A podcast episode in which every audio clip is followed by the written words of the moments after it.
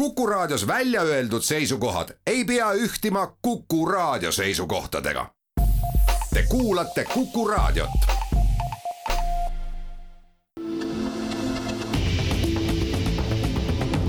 kahevahel. kahevahel, valimisstuudio. kahevahel. tere, ajakirjanikud Timo Tarve, Ainar Ruussaar alustavad igareedest vestlussaadet Kahevahel alapealkirjaga Valimisstuudio. hea meel on Kuku raadio otsestuudios tervitada perearsti ja Järveotsa perearstikeskuse juhatajat Jana Ingerainenit, kes kuulub erakonda Eesti kakssada. tervist! ja Tanel Kiik, Keskerakond, sotsiaalminister olnud, tervise- ja tööminister olnud, väga palju Kuku eetris olnud, tere! aitäh kutsumast, tervist kõigile! hinnatud kõneleja, loomulikult võtame alati rõõmuga teid vastu. head külalised tervishoiuprogrammi või tervishoiureformi järele karjuvad kõik pealkirjad ja programmid kõikidel erakondadel, te olete suhteliselt ühte meelt selle seos, et arstiabi peab Eesti inimeseni paremat ja parimat viisi jõudma. lugedes Keskerakonna tervishoiuprogrammi, võiks üldistada seda ühe sõnaga, suurendame, Tanel, mida te kõike te ära ei suurenda, hambaravile, palliatiivravile, vähiravile, ennetusele, kõigele-kõigele häid summasid ehitate uue haigla ka veel otsa. väga kena, paneme kõik väikese panuse juurde, aga kui suur on see summa ja millest ta kogunema peaks, et kõik need suurendamised ja tervishoiureformid saaks läbi viia, ehk siis mille arvelt see tuleb? Timo, kas sa ei tea, et Keskerakond leidis maapõuast kulda Eestis?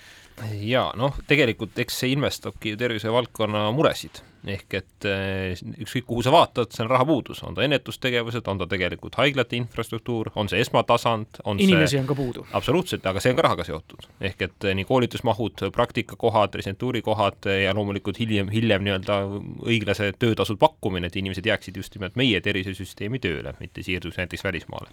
Eh, sajad miljoneid on see summa, mida iga aastat juurde on vaja, me oleme kahes valitsus järjest neid otsuseid ka teinud, ehk Keskerakonna, sotsiaaldemokraatide, Isamaa valitsus hakkas maksma eakatest ravikindlustusmaksu, mis toob iga-aastaselt tervishoiu valdkonda lisaraha ning eelmises valitsuses, kus me olime osapooled, ütleme, kus me juhtisime veel EKRE ja Isamaaga, panime viissada nelikümmend miljonit eurot juurde neljaks aastaks, kakskümmend üks kuni kakskümmend neli. see tuli veel lisaks Covidi kuludele, muule taolisele. ja Tallinna haiglale olime välja rääkinud pikkade raskete läbirääkimiste tulemusena toetus Euroopa Komisjonist, millele nüüd on Reformierakonna ainuvalitsus vahepeal küll vee peale tõmmanud, aga ma arvan, et see otsus tuleb tegelikult samuti ringi vaadata. laiemalt, kui räägime, mis võiks see katteallikas olla, kindlasti astmelise tulumaksu kehtestamine on õige samm edasi, teiseks ettevõtete kõrgem maksustamine, sealhulgas nii-öelda traditsioonilise kas tulumaksu taastamise süsteem või siis näiteks ka teatud sektorites, on see finantsasutused, kus tõesti me näeme, et kasumid on kõrged ja tihtipeale raha liigub riigist välja, ehk neid kohti tegelikult on, kus riigil on võimalik maksutulusid suurendada ja tervishoiuvaldkonna rahastamiseks tuleks kokku leppida selline püsiv meede noh, ühe konkreetse näite võin tuua, nii nagu täna on mittetöötavate vanaduspensionäride eest ravikindlustuse maksmine, võiks olla see näiteks kõigi alaealiste eest, nii et riik maksab iga äh, lapse eest näiteks alampalga ulatuses ravikindlustusmaksu, mis annab stabiilse, kindla nii-öelda tuluallika Haigekassale ja siis on tõesti kogu nii-öelda ühiskond kaetud, lapsest, lastest kuni eakateni ja tööealised maksavad ise ravikindlustusmaksu. Diana jah, Keskerakond võiks saate täis rääkida, aga Diana, kui kiiresti pääseb teie juurde Järveotsa kliinikus vastuvõtule? praktiliselt äh, kohe. siis te olete suur erand? ei ole, tegelikult ei ole. aga milles et, siis küsimus on, miks peab inimene veerand tundi kõigepealt telefoni otsas olema ja siis ootama neli tundi, kuni mõni vaba perearst juhtub olema, kui ta ette teatamata tuleb? noh, vot siin nüüd selles küsimuses oli mitu sellist ja, äh, kohta, et, et äh, aga ma arvan, et niimoodi inimesed täpselt mõtlevadki, et äh, meie oleme kujundanud selle protsessi niimoodi, et inimene peab saama igal ajahetkel oma murega pöörduda ja loonud siis e-perearstikeskuse, mida tuleb tunnistada, et äh, sügav enamus meie patsientidest on hakanud ka kasutama. seal kõrval on kindlasti olemas telefon, on olemas kaks telefoni, mis äh, tõepoolest kogu aeg ei suuda vastata. aga me näeme kõnel, kõnekeskusest, et kui on inimene mitu korda proovinud meid kätte saada, me saame ka ise tagasi helistada.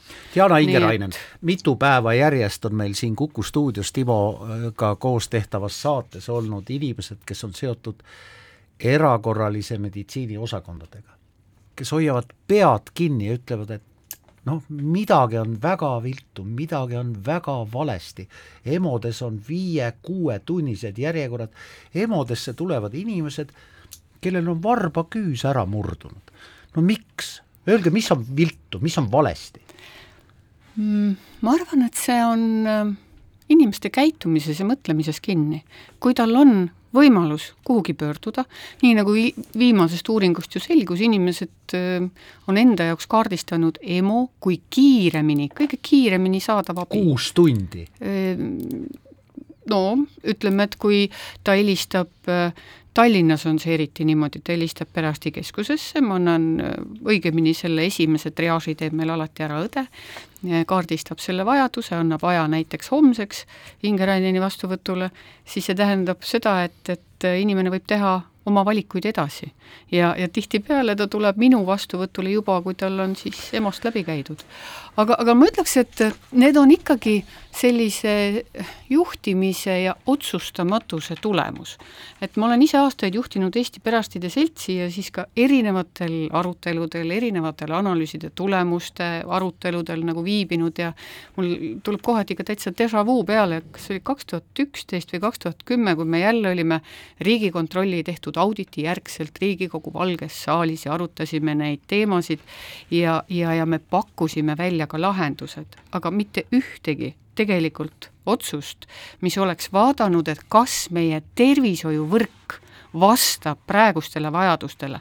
Need otsused, mis tehti kolmkümmend aastat tagasi, olid väga õiged otsused, kui kujundati välja meie perearstisüsteem, kujundati välja meie haiglavõrk, seda väga kenasti korrastati, loodi kiirabisüsteem, aga tänaseks on olukord muutunud, meie inimesed on kolinud, paiknevad erinevas kohtades geograafiliselt, nad on vananenud ja see esitab hoopis teised vajadused meie tervishoiuvõrgustikule. täpselt, Tanel, kolm aastat sotsiaalministri ametit ja mitte ühtegi tegu, kuidas nii no ma enne juba mõned näited lugesin ette, võin ühe korra veel üles, üles loetleda, et oleme pannud lisaraha. tervisevaldkonda, oleme pannud lisaraha ka perearstisüsteemi, ehk näiteks kaugusetasud said minu ajal mitmekordistatud, lisaks muutsime sellise mentorprogrammi, kus on võimalik alustaval arstil tulla nii-öelda äh, juba kogenud arsti juurde järk-järgult see nimistut üle võtma, vaatasime üle ka teatud koefitsiente, mis puudutas väiksemate nimistutega perearste, suurendasime vastuvõttu nii tervishoiu kõrgkoolides õdede, teiste tervishoiuspetsialistide erialadele, samuti arstide residentuuri, seal tihtipeale ka perearstinduses murekohaks on pigem see, et residentuuri kohad ei tule alati täis, ehk et ka praegu näiteks perearsti meditsiini võetakse nelikümmend kohta vastu, minu teada see, kus kolmkümmend neli oli äkki see vastu. Tanel, aga mis juhtub, Tanel, ma küsin vahele, mis juhtunud on, kui mina läksin Tartu Ülikooli, siis oli arstiteaduskonnas kuusteist inimest ühele kohale. kas ma tohin vastata Tanel, Taneli eest? Aeg on edasi nii. läinud, valikuid on hulka rohkemaks tulnud ja, ja, ja see ei ole päris võrreldavad asjad, et, et seda ma arvan, et Taneli käest niimoodi ei ole mõtet küsida. Ei no aga arsti ja mida võib, noh, mida võib kindlasti välja tuua, on see, et ega inimesed hindavad ju ka adekvaatselt eh, mitte ainult seda, kas erialane huvi pakub, vaid ka seda, mis, milline tulevik neid ees ootab. ja kui see tulevik, mida manatakse, tihtipeale on selline, et eh, meil on vananev ühiskond, meil on üha rohkem erinevaid kaasavaid haigusi, erinevaid murekohti, töökoormus kasvab, eh, raha on puudu, infrastruktuuri ei arendata, noh, see ei ole väga selline kutsuv, ehk siis tegelikult tervisevaldkonnas peame olema tõsiselt tööd tegema, mida ma ütlesin ka kriisi ajal kogu aeg, et me ei tohi seda kriisi nii-öelda raisku lasta, et, et kriisi ajal said kõik justkui aru, kui on tervisevaldkond on, nüüd tõsi, Venemaa sõda Ukrainas on noh, veelgi laiamahulisem, inimeste nagu fookus on mujale viinud, aga me ei tohi ära unustada, ega need tervisevaldkonna mured pole kuskile kadunud, need on järjestikused kriisid veel võimendanud, välja toonud ja praegu on see hetk, kus tuleb tegelikult tõesti vaadata sisse sinna nii erinevatesse rahastusmudelitesse, infrastruktuuri arendamisse, on see Tallinna haigla rajamine, tervisekeskuste ehitamisega edasiminek, digisüsteemid ja kindlasti ka selline toetav personal, ehk et arst ei pea tegema nii-öelda lihtsalt sellist paberimajanduse tööd, tegelikult seda peab tegema ka õde, tihti öeldakse valesti, et noh, et umbes, et las, las õde siis täidab, õde on ka ju tervishoiu valdkonna ekspert, on kolm pool aastat õppinud, võib-olla eriõde veelgi kauem, pluss praktikat omandanud, ka tema roll ei ole tegelikult täita mingeid ankeete, mida võiks täita tavaline praktikant. Diana, nüüd ma palun teil erakonna eest rääkida, Tanel loetles välja mingid rahastusmudelid, kus Keskerakond näeb väljapääsu lisamiljonitele tervishoidu, Eesti kakssada on äh, ka pakkunud välja, et luua uus tervishoiu rahastamismudel, mis ei baseeru ainult sotsiaalmaksul, aga vabandust, millisel maksul ja kohe kisub mõte sinna peale, et mõni elustiilimaks või? Ma ei ütle sulle praegust niimoodi täpseid äh, mudeleid ja, ja ma arvan, et äh, siin on väga palju tööd tehtud ja väga palju häid meditsiiniteadlasi, meditsiinimajandusteadlasi, kes, kes selle üle oskavad paremini sinuga diskuteerida. aga, aga üldiselt äh, Äh, see võimalus, et raha juurde tuua, need peab kõik ära kaaluma, et see ei ole mitte ainult üks või teine, et, et näiteks siin eelpool loetletud asjadele ju veel lisaks, mina arvan, et minister peab olema nii tugev, et ta peab ka Riigikogu ees seisma ja küsimagi raha juurde mingite väga konkreetsete asjade jaoks, et näiteks meil on puusa proteesimises nii pikk järjekord, meil on selline meede, see raha läheb täpselt õigesse kohta ja ka niimoodi on võimalik seda raha juurde küsida. aga kui sa küsid selle elustiili maksude kohta, siis nendega peab olema kahtlemata väga ettevaatlik. aga kogu see, no mis juhtus äh, Ossinovskiga? tegelikult oli ju idee väga hea, aga, aga tõenäoliselt see viidi läbi suhteliselt tormakalt. ja, ja, ja mina näen niimoodi, et me peaksime langetama nende Äh, toiduainete siis äh, käibemaksu, mis on nii-öelda tervislikud ja teiste oma siis seda mitte tegema. kuigi kui te nüüd päris minu isiklikku arvamust äh, tahate teada, siis mina teeksin oma Haabersti linnaossa ühe alkopoe, mis oleks lahti kella kümnest kolmeni ja kogu lugu, et see kättesaadavus mõjutab tegelikult äh, alkoholist tingitud äh, kahjusid, seda kes on ammu ära öeldud. kes pagan, Diana Ingerainen, hakkab hindama, mis on kasulik ja mis on kahjulik toiduaine, noh, värske porgand ilmselt on pigem kasulik ja peekon ilmselt kahjulik. ära muretse, see kõik on ära tehtud, meil on olemas kogu see loetelu, kogu see teadmine, et see ei ole mingi raketiteadus tänapäeval. aga paneme siis suitsule ja viinale maksu juurde saame raha? saame. Se, selle suitsu ja viinaga tuleb teha tegelikult niimoodi, et läbi mõelda kõik äh, variandid, et kuidas oleks võimalik, äh, et inimesed neid vähem tarbiksid. minu arust on nagu arulagedalt vähe räägitud, et on ühed inimesed, kes tegelikult selle pealt teenivad, need on kohutavalt suured summad ja kui nüüd piltlikult võtta, siis üks riik peabki otsustama, mitu maksa ta ära annab, mitu kopsu ta ära annab, näiteks meil on, praegust on kaheksakümmend tuhat kokihaiget, need on siis konkreetselt tubakakahjustuse tõttu tekkinud haiged. ja, ja, ja nende ravi on väga kallis, seal on, esiteks need ravimid on kallid, teiseks nende diagnoosimine on suhteliselt kallis ja kolmandaks, seal on väga tihti vaja äh, haiglaravi rakendada. et, et, et minu arvates me peaksime natuke teisipidi seda asja vaatama, praegu see õudne veipimine, mis koolides käib, me muideks keegi ei tea, mis tervisekahju sellest tuleb mm, -hmm. mis nende noorte närvisüsteemidega juhtub. aga seda peabki vaatama, et on üks grupp inimesi, kes selle pealt teenivad ja, ja, ja need summad ei ole väiksed. jaa, absoluutselt, tohib sel teemal ka. üks väike remark ja siis me läheme ise raha teenima. alustades alkoholipoliitikast, loomulikult seda kättesaadavust tuleb piirata, on need erinevad ajalised müügipiirangud, on see reklaami piiramisega edasiminek ja tegelikult ka aktsiisipoliitika.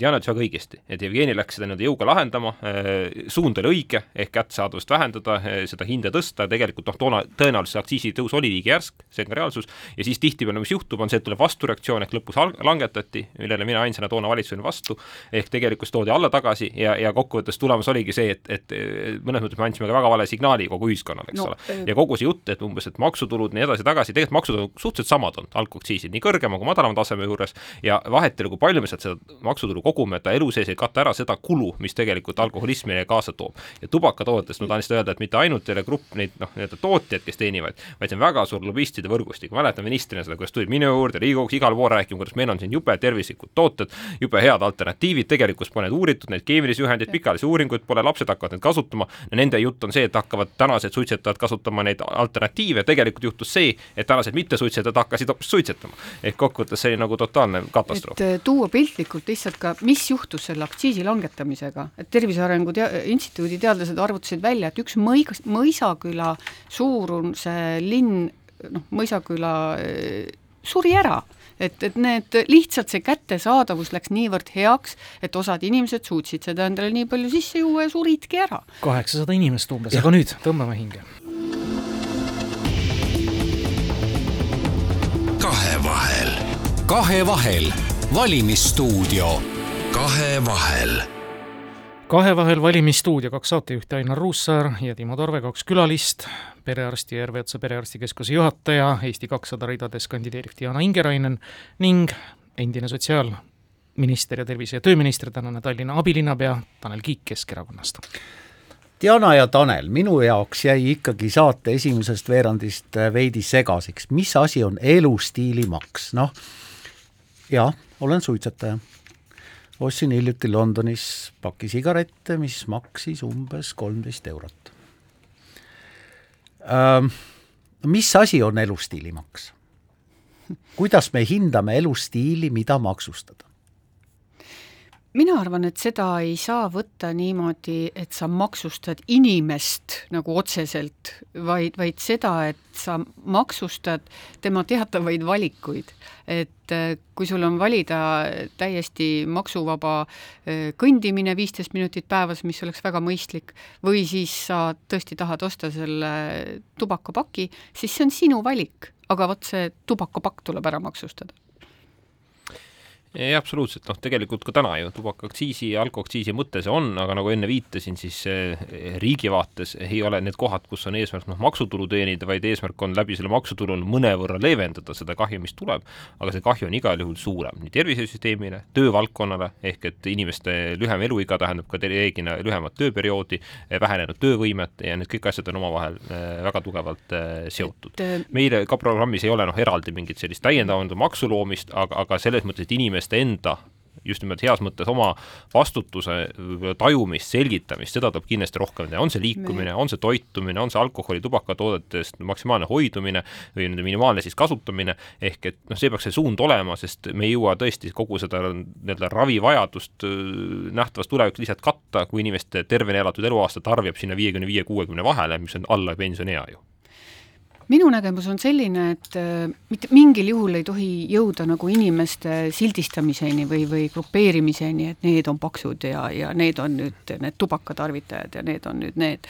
aga me peame nügima ja neid inimeste valikuid äh, soovitama ja, ja tõepoolest siin on äh, rahaline maksustamine on üks meede, mida, mida tasub kaaluda. Ja see meede võiks aidata kaasa sellele, et meil oleksid kõik inimesed Eestis ravikindlustatud. siin olete vist oma erakondade programmis ühte meelt, kuidas, noh, ma ei hakka küsima allikaid, te juba siin hästi paljusid nimetate aga teate, ma ütleks selle universaalse ravikindlustuse kohta, et nii. ma arvan, et see kokkuvõttes riigile on tulu, mitte kulumeede. ehk et eh, täna, kui maksta kinni erakorralises meditsiinis neid tervisemuresid, mis on juba süvenenud, eks, eh, mõne, mõne protsendi nii-öelda elanikkonna eest, keda me täna ei, ei ravikindlusta, see pole lihtsalt tegelikult mõistlik, ta pole ka nii-öelda õiglane või väärikas nende inimeste suhtes, tuleb vaadata üle tõesti see eh, maksu- või tulubaas kust me ravikindlustusmaksu kogume, aga printsiibis hakata neid erandeid veel laiendama, on täna juba niigi. terve posu, eks ole, mille puhul me katame kindlustust, see on ka mõttetu bürokraatia, see koormamine, kes leiab mingisuguse triki sinna skeemi sisse saada, kes mitte, mõistlik on tagada ravikindlustus kõigile, nii nagu ta on Põhjamaades ja, ja tegelikult nii või naa me finantseerime juba täna tervisesüsteemi ju erinevatest maksutuludest, ka täna pelgalt ravikindlustusmaks seda kulu enam ammu ära ei kata. ja siin on üks väga oluline nüanss ka võib-olla noh, mida ma arstina tajun, et teate, kui raske on arstina öelda, et aga sulle ma seda teha ei saa, sul ei ole ravikindlustust. maksa. maksa. ja, ja, ja siis sa pead olema nagu niisuguses õudses vast-, vastutuse või otsustuskohas, mis kindlasti ei ole vähem tähtis, kui me räägime arstide töötingimustest ja ja, ja selleks, milleks mm. arstid on välja õpetatud. mina ei pea olema see inimene, kes selekteerib, et, et kas seda me nüüd ravime või seda siis nüüd mitte. et vähemalt mitte sellistel alustel. ja see universaalne ravikindlustus, see, see, ma arvan, et, et tuleb kindlasti ära teha, aga tuleb ka sinna juurde väga selgelt öelda, et mis on see meie võimekus pakkuda selle universaalse ravikindlustuse sees, mis on need baasteenused, mille me igal juhul kõikidele inimestele tagame? Ja mis ulatuses? jube kallis lõbu. Aga... ei ole. Te, tegelikult on seda väga palju arvutatud, kallim on see lõbu, kui näiteks inimene ei saa minu juurde köhaga pöörduda, köha süveneb, ta pöördub erakorralisse meditsiini mm -hmm. ja, ja lõppkokkuvõttes teda ravitakse haiglas eh, võib-olla kuu aega. aga oleks ta saanud kohe tulla esmaselt eh, perearsti vastuvõtule ja oleks see probleem ära lahenenud näiteks kahe nädalaga. no seda kulu on haigekassa arvutanud ja on noh, leidnud selle, et mõnikümmend miljonit eurot on täiendav kulu, ma isegi selles suhtes jään reservatsiooniga, seda enam, et ta ei arvusta seda poolt, et kui see inimene saab kiiremini abi, eh, vajaliku operatsiooni, muu tegevuse, ta panustab ka rohkem tööellu, on tervem ühiskonnaliige ja nii edasi, ehk tegelikult teiselt poolt tuleb ka tulu vastu.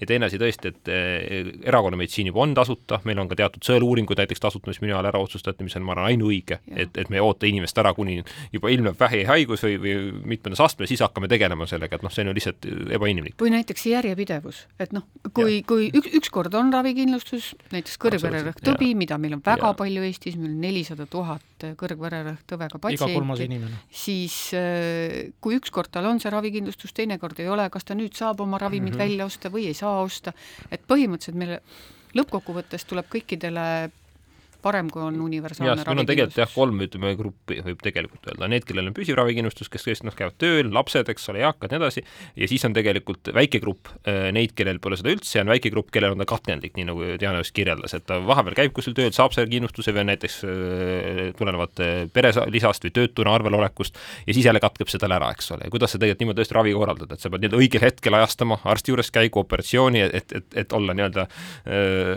solidaarses süsteemis ja kui sa seda ei suuda teha, siis sulle öeldakse, et vabandust, arve on selline ja suure tõenäosusega inimene ütleb, et aitäh, et mul pole selleks lihtsalt vahendeid kas räägime nüüd ennetusest, räägime jah, seepärast et ennetusele pöörate te kõik väga suurt tähelepanu ja paneksite massiivselt ka vahendeid sinna hakkama. kas plakat trammipeatuses või blinkiv klipike sotsiaalmeedias paneb tingimata inimest suitsetamisest loobuma ja sörkjooksuga kohe hakkama tegelema? ehk siis mis, mis mina slaadi... käin trammiga tööl ja olen näinud kuid mittesuitsetamise vastast plakatit ja pannud suitsu põlema ehk siis ei tohi mitte tegu? kunagi lähtuda üksikjuhtumitest, see on nagu esimene ja, reegel. aga mis oleks see nii-öelda massiivsem ja tõepoolest inimesi ja masse mõjutav tervisekäitumisele suunav? minu meelest kõige olulisem on tead haridusprogramm, ehk et eh, midagi teha ei ole, eh, me peame tegelema loomulikult ka tänaste täiskasvanute, eakatega, töökeskkonna kohandusega ja muuga, aga me, mida me peame saama korda, on see, et koolilapsed teaksid, kuidas tervislikult toituda, liiguksid piisavalt juba oma programmi raames, koolipäeva raames, et see muutuks selliseks normiks, nende jaoks on rutiin rutiiniks ja harjumuseks, ehk et eh, vaadates kas või noh, väikseid lapsi, nagu kõik teame, lastelapsed on enda lapse näite tuua, talle väga meeldib liikuda, ta võiks hommik, hommikust õhtuni liikuda, aga millegipärast me surume tihtipeale lapsed kuskile nutitelefonidesse, seadmetesse, kodus tereka, tereka taha, ei no, ei no tihtipeale ka noh, kas see, see ühiskonna korraldus, et koolist, koolis tihti istutakse, kodus istutakse ja lõpuks ongi niimoodi, et see väga liikuv aga inimene see... hakkab hoopiski rassuma, kuna ta enamik ta päevast eh, veedab istudes, eh, liigub liiga vähe ja tõenäoliselt ka ei pruugi alati tervislikult toituda. aga mis mis on nagu minu arust üks viga, mis tehakse, et äh, võetakse, et nagu inimesed on mingi hall mass. tegelikult on hästi palju erinevaid äh, gruppe, erinevaid arusaamisi, erinevaid haridustasemeid ja mina arvan, et see lähenemine peaks olema personaalne. et loomulikult minu unistus oleks, et kui nad juba koolis hakkaksid tegema endale või lasteaias terviseplaani ja, ja see läheks siis aina keerukamaks ja jõuakski tema reaalsete andmetega kogu aeg kohale. et, et see ükskõik kes, kus ka tervishoius hakkab inimest nõustama või tegelikult see ei peagi olema ju ainult tervishoius, on mm -hmm. ka eh, kohaliku omavalitsuse juures olevad eh, spetsialistid eh, hariduses, aga, aga kui nad inimesele annavad nõu, et siis nad näevad kogu konteksti, et, et mis on need äh, probleemid, ähm, eriti näiteks äh, vanuritega, mis, mis on siiani need takistused olnud, mis on need riskitegurid, et kuidas me saame riski maandada. et äh, milline on siin see patsiendi enda roll, mida ta ise eesmärgistab, mis ta ise tahab saavutada. ja, ja niimoodi võib-olla kogu aeg järjepidevalt sedasama konteksti kasu, kasutades me jõuame parema tulemuseni tõmbame veel korra hinge ja siis jätkame. kahevahel. kahevahel, valimisstuudio. kahevahel. Timo Tarve, Ainar Ruussaar jätkamas igareedest vestlussaadet ja meie vahel Kuku stuudios on perearst ja Eesti kahesaja nimekirjas kandideeriv Diana Ingerainen ja Tanel Kiik Keskerakonnast endine sotsiaalminister, tervise- ja tööminister. kuulge, mind ajakirjanikuna ajab alati närvi, kui ma loen mingisuguseid selliseid väljendeid, millest ma tegelikult aru ei saa. guugeldage palun, tervisedistsipliin, mis asi see on? Mina näen mida see tähendab? mina näen seda sellisena, et äh, kui on tehtud põhjalikud analüüsid, on leitud üles diagnoos ja on leitud ka siis ravi, on inimesega see ilusti läb, läbi räägitud, et kuidas tema tervislik ei, ma küsisin seisund..., mida tähendab tervisedistsipliin? oota nüüd, ja, ja, ja kuidas võiks siis tema tervis parem olla, siis ta võtab endale rolli võtta ravimeid näiteks ja minu jaoks see tervisedistsipliin tähendabki seda, et ta järgib oma raviskeemi. Eesti on muideks üks eriline maa, et kui võtta ükskõik mis diagnoos, siis pooled patsiendid ei võta ravimeid nii, nagu on ette nähtud. meil on Eestis iga päev viis kuni kümme südamelihase infarkti. Nendest võiksid olla pooled olemata, kui inimesed võtaksid ravimit nii, nagu on ette nähtud. aga miks, kui mul on kõrge vererõhk, ma võtan igal hommikul tableti, aga miks pooled ei võta? no vot, seda peab nüüd edasi uurima ja, ja sinnamaani jõudma, et kõik inimesed võtaksid ravimit nii, nagu on ette nähtud.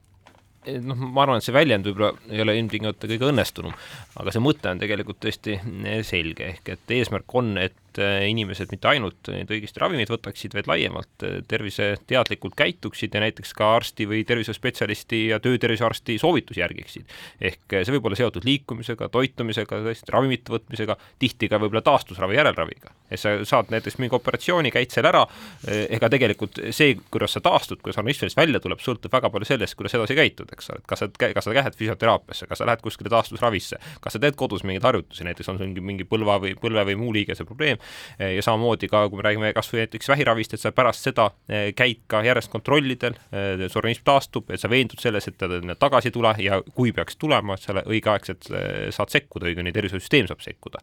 nii et ravimite puhul, ma ei tea, Diana võib-olla oskab täpsustada, kas selle poolte inimeste sees on ka see osa, kes tegelikult ei osta neid ravimeid ka välja, sest meil on ju ka neid inimesi, kes need kas rahapuudusel, muudel põhjustel nendele määratud ravimeid tegelikult välja ei ostagi, noh siis polegi võimalik su neid õigeaegselt võtta. no apteegid räägivad, et äh, nüüd on asi veel hullem, et äh, perearst ju näeb, kas on ravimid välja ostetud või ei ole ostetud, ta ostab ravimid välja ja sealsamas jätab nad apteeki, et meie apteekides on kogunenud väga palju tagasi toodud ravimeid ja, ja, ja täiesti ära antud ravimeid. aga mina julgen küll selle välja öelda, et meie praeguse tervishoiukorralduse juures äh, viisteist protsenti patsiente jätab tulemata õdede vastuvõtule, kuigi neil on aeg olemas, ja kümme protsenti jätab tulemata arsti vastuvõtule ja nad ei teata sellest ka ette.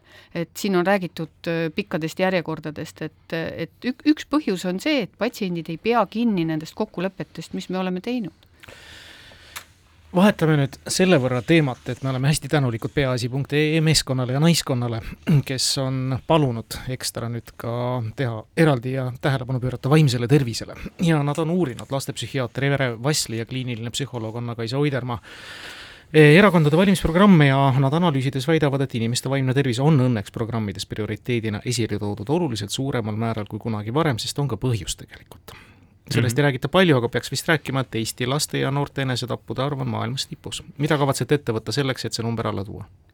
jaa, see olukord on tõesti ka ütleme, praktiseeriva arsti seisukohast äh, väga keeruline.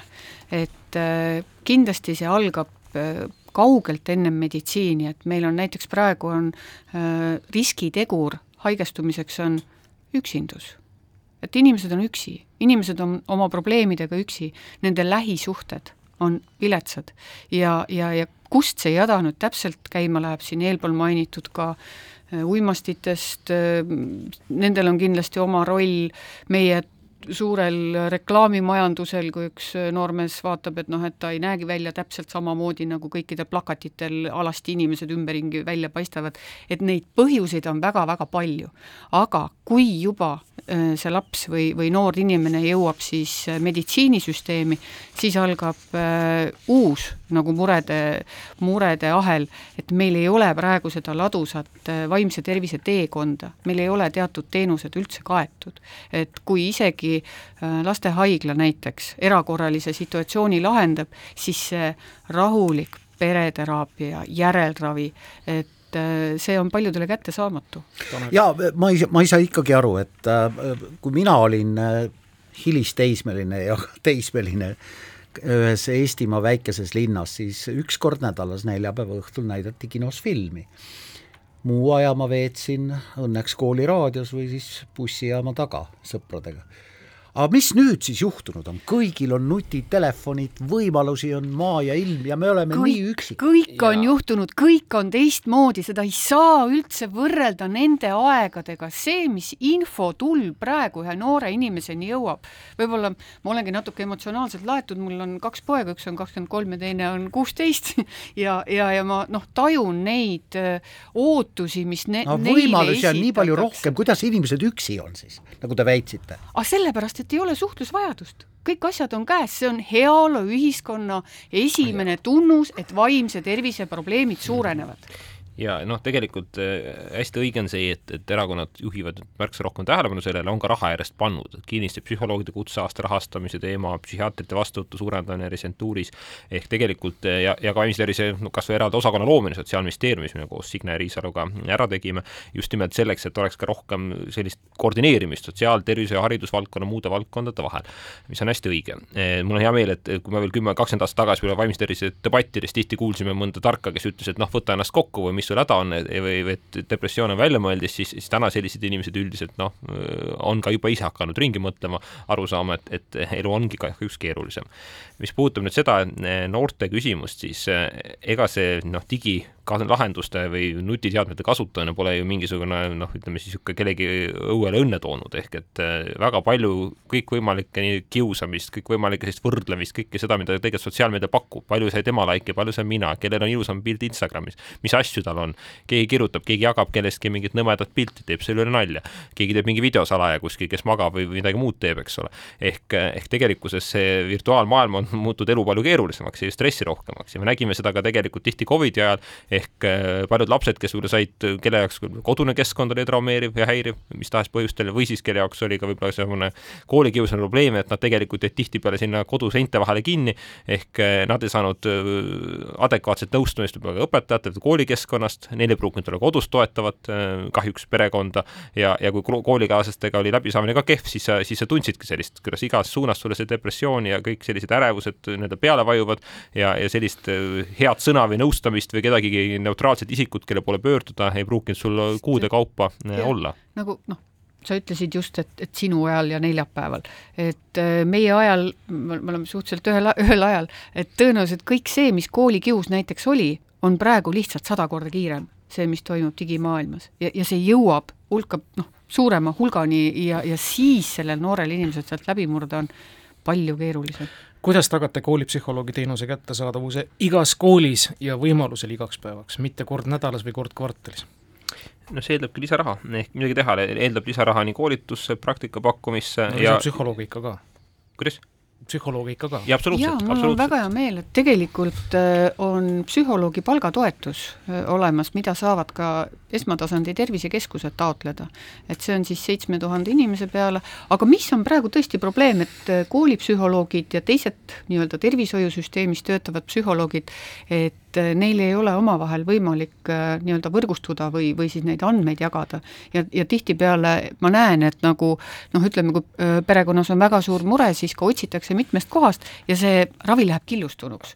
ja, ja see ei ole ainult kooliga, vaid see nii koolitervishoid kui tegelikult ka töötervishoid, ka töötervishoid ja rääkimata siis veel sotsiaalvaldkond, tervishoid omavahel, absoluutselt. et, et, et see võrgustumine tuleb minu arvates kiiresti ära teha ja, ja tuleb ka vaadata, et kuidas selles koolis kõige paremini seda psühholoogiteenust on korraldada, see on võimalik, et äh, mul on päris hea meel, et tänu sellele palgatoetusele on paljud psühholoogid teistest valdkondadest nagu pöördunud tagasi oma eriala juurde ja, ja, ja praegust on ka võimalus siis Tartu Ülikoolis õppe, õppida juurde psühholoog-nõustajaks, kui on varasem haridus all spetsialistid on kokku arvutanud, et hetkel juba ainuüksi kooli oleks vaja kakssada spetsialisti juurde. Nende väljakoolitamine võtab aega. üks asi on väljakoolitamine, teine asi, ütles ka Diana õigesti, on ka juba lahkunud inimeste tagasitoomine süsteemi ja mis seal salata, ka eratervishoiu ja avaliku sektori omavaheline konkurents, ehk tihtipeale ju ka need vaimse tervise spetsialistide ajad võivad olla olemas, aga need on nii-öelda tasulised ehk kättesaadavad neile, kellel on äh, võimalus maksta. kui riik tellib neid ise piisavas mahus, piisava nii-öelda äh, noh, väärika nii-öelda pal-, palga või tasu eest, on võimalik ka neid mahtusid, mida riik kas kooli kaudu perearsti kaudu pakub, suurendada. meil oli tegelikult toona veel päris tõsine debatt ka selle perearstide teraapiafondi teemal, et kuidas seda süsteemi nii-öelda kohandada, et oleks täna ka piisavalt motivatsiooni vaimse tervise spetsialistidel just nimelt perearstide suunamisel neid tervishoiuteenuseid pakkuda, kuna seal need hinnakäärid olid näiteks väga suureks läinud võrreldes erasektoriga. ehk siin tulebki vaadata kõiki neid pooli, et me ei saa, me ei saa tellida teenust märksa soodsamalt, kui erasektoris inimene teenib, sest sellisel juhul me suuname inimese sisuliselt tööle ju äh, väljaspool avalikku sektorit. ja ma arvan, et siin tuleb teha ka väga palju selgitustööd, et mis ajal tekib vajadus psühholoogi järgi, mis ajal tekib vajadus kliinilis, kliinilise psühholoogi järgi ja kuidas see ringlus peab käima. et tihtipeale koolis on ka nagu see, et, et mõne asja saaks ära lahendada eh, kodu teemal, mõne asja saaks ära lahendada õpetajate teemal ja, ja tõepoolest, et siis nii-öelda juhtumipõhiselt kaasata psühholoogi. ja tegelikult see on ülioluline punkt, mille, mida, mis mõnes mõttes saatejuht alustas, et seesama Peaasi ja teised meeskonnad, kes pakuvad ka sellist noh, just eneseteadlikkust, vaimse tervise esmaabi, nii-öelda esimesed nii-öelda A ja A ja A ja B sellest, mida kõike me saame ise pakkuda, märgata, kui mõnel sõbral on mure, märgata, kui pereliikmel, töökaaslasel on mure, olla ise tegelikult nõuks, nõuejõuga abiks, mitte ise minna sinna teed, et sa kogemata või teadlikult kellelegi neid muresid hoopiski tekitad või forsseerid. seega need vaimse tervise mured ei teki ju tühja koha pealt ja need ka ei lahene tühja koha pealt, aga me kõik saame panustada sellesse, et meil endal ja teistel neid maksimaalselt leevendada ja vajadusel meie... oma abi ja nõu pakkuda. ja meie keskuses on praegu tööl äh, kolm psühholoogi ja tuleb tunnistada, et tihtipeale sellele järgmisele visiidile ei taheta enam tagasi tulla kui on ära kaardistatud olukord, kui on kokku lepitud, mis on need äh,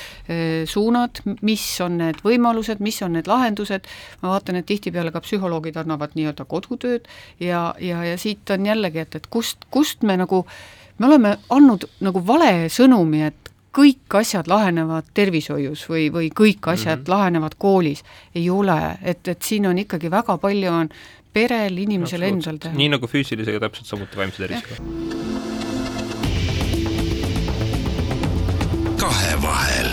Kahevahel, valimisstuudio.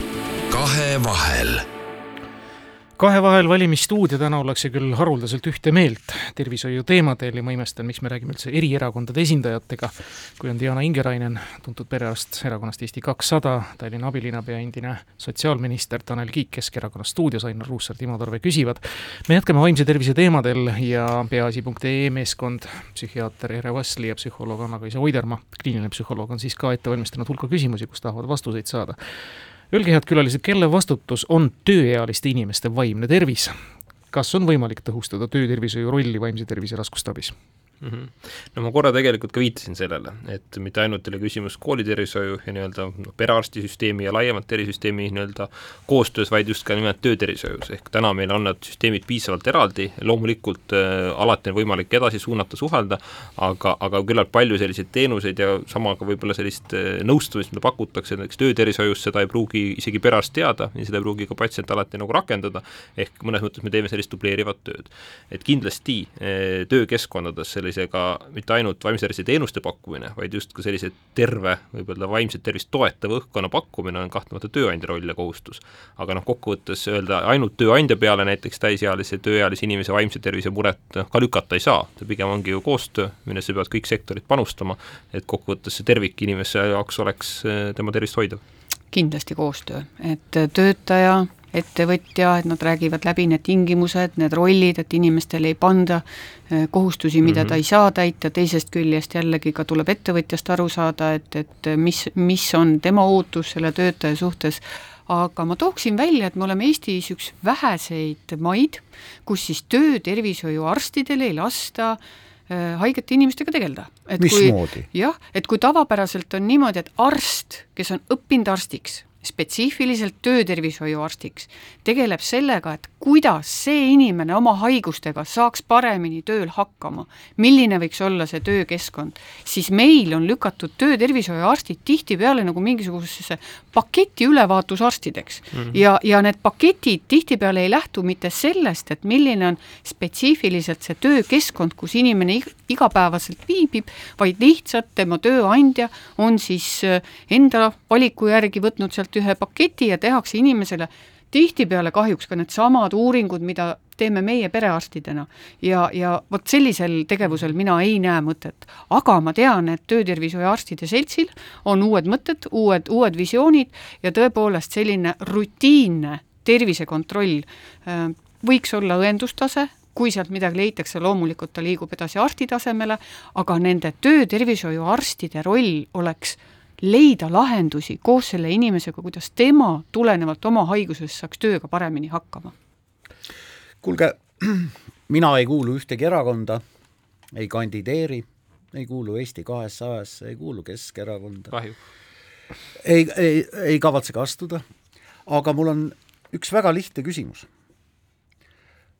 Äh, kui me rääkisime sellest, et kõik algab ikkagi teadmistest ja oskustest ja haridusest, siis peaks ju see olema kooli ülesanne.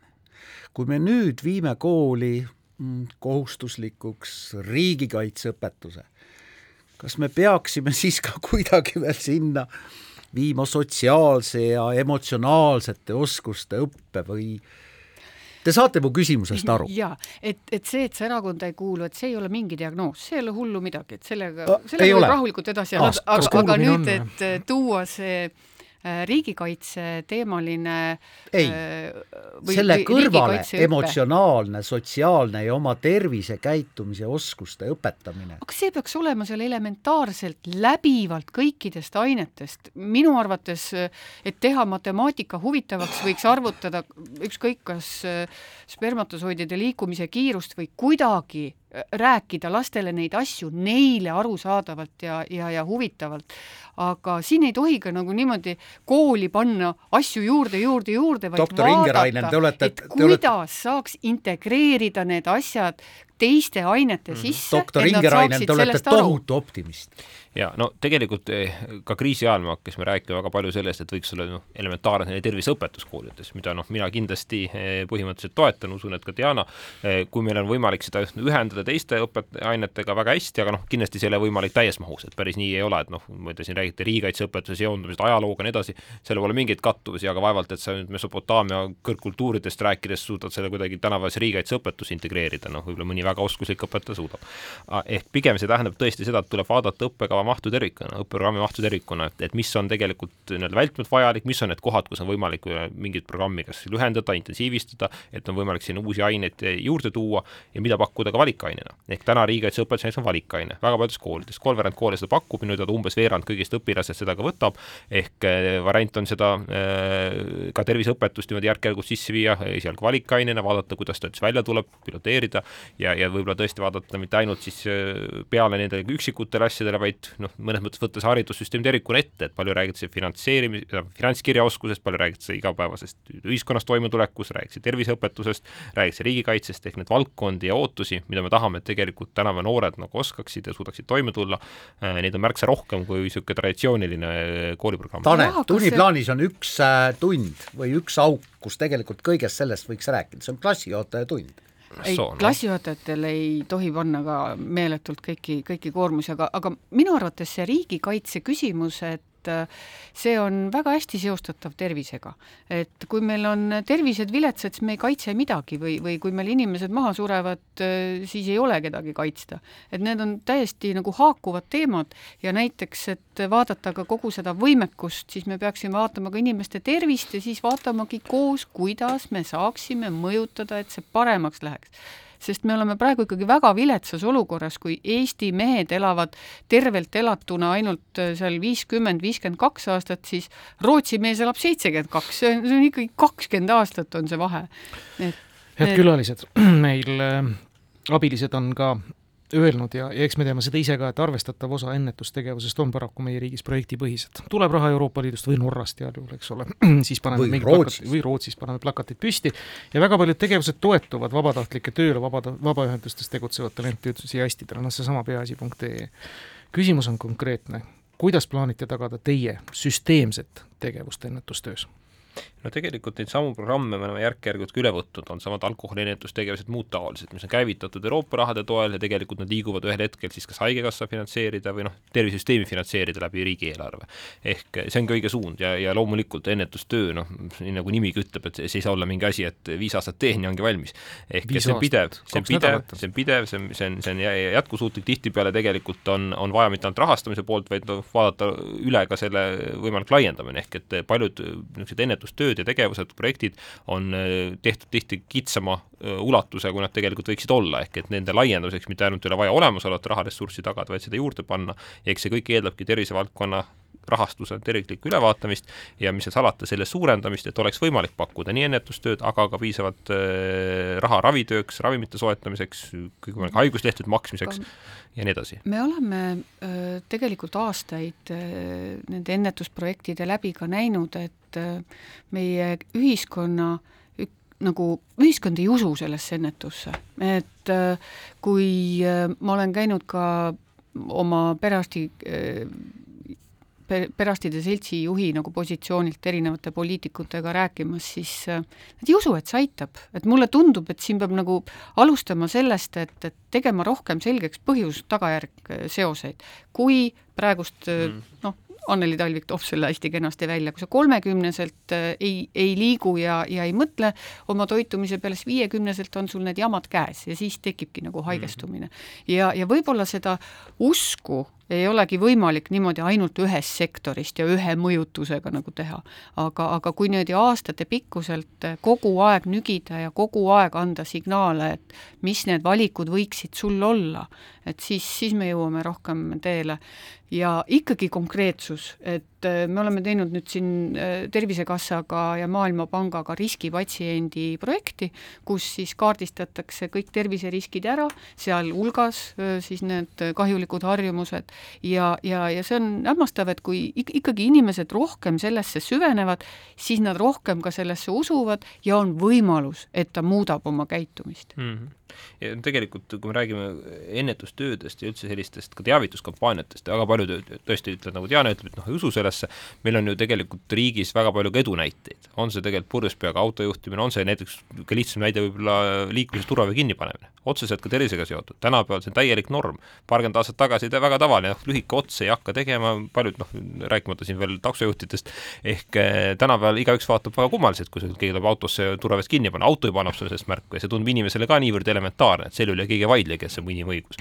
nii et eh, tegelikult ja, kiiver ja jalgratas järe, järjekindlus, järe, järjepidevus on siin oluline ja loomulikult on hea, kui noh, tegelikult suudame ka seda heas mõttes noh, visualiseerida, et mida see inimese jaoks tähendab, nagu Diana ka kirjeldas seda, et see ja... ei ole mingi abstraktne tervis, millest me räägime, vaid need on konkreetsed tervisemured, mis on ennetatavad. ja tervishoiu peale noh, ei saa ka panna kõiki ülesandeid lihtsalt juurde, see nõuab hoopis teist lähenemist inimesesse. see, see nõuab hoopis teist see... pädevust, see ei ole võimalik teha niimoodi, nagu me praegu teeme, nagu kiire vastuvõtt. Külab kantseliitlikult nii-öelda horisontaalset lähenemist, aga see mõte on ju selles, et, et me panustame inimese tervise hoidmisesse nii haridussüsteemis, tervisesüsteemis, kultuurisüsteemis, majanduse valdkonnas, töökohtadel ja nii edasi, et tegelikult kogu ühiskond sellega tegeleb ja see silmas peab ja nii on ka inimesel lihtsam tegelikult tervena püsida. saame kaheksa aasta pärast siin kokku, mängime mõned lõigud ette ja siis vaatame, kuidas on läinud. seniks moodustage, seniks moodustage koalitsioon, selleks te sobite väga hästi, aitäh, Tanel Kiik, aitäh, Diana Ingerainen tulemast! aitäh, aitäh kutsumast ja hoiame tervist!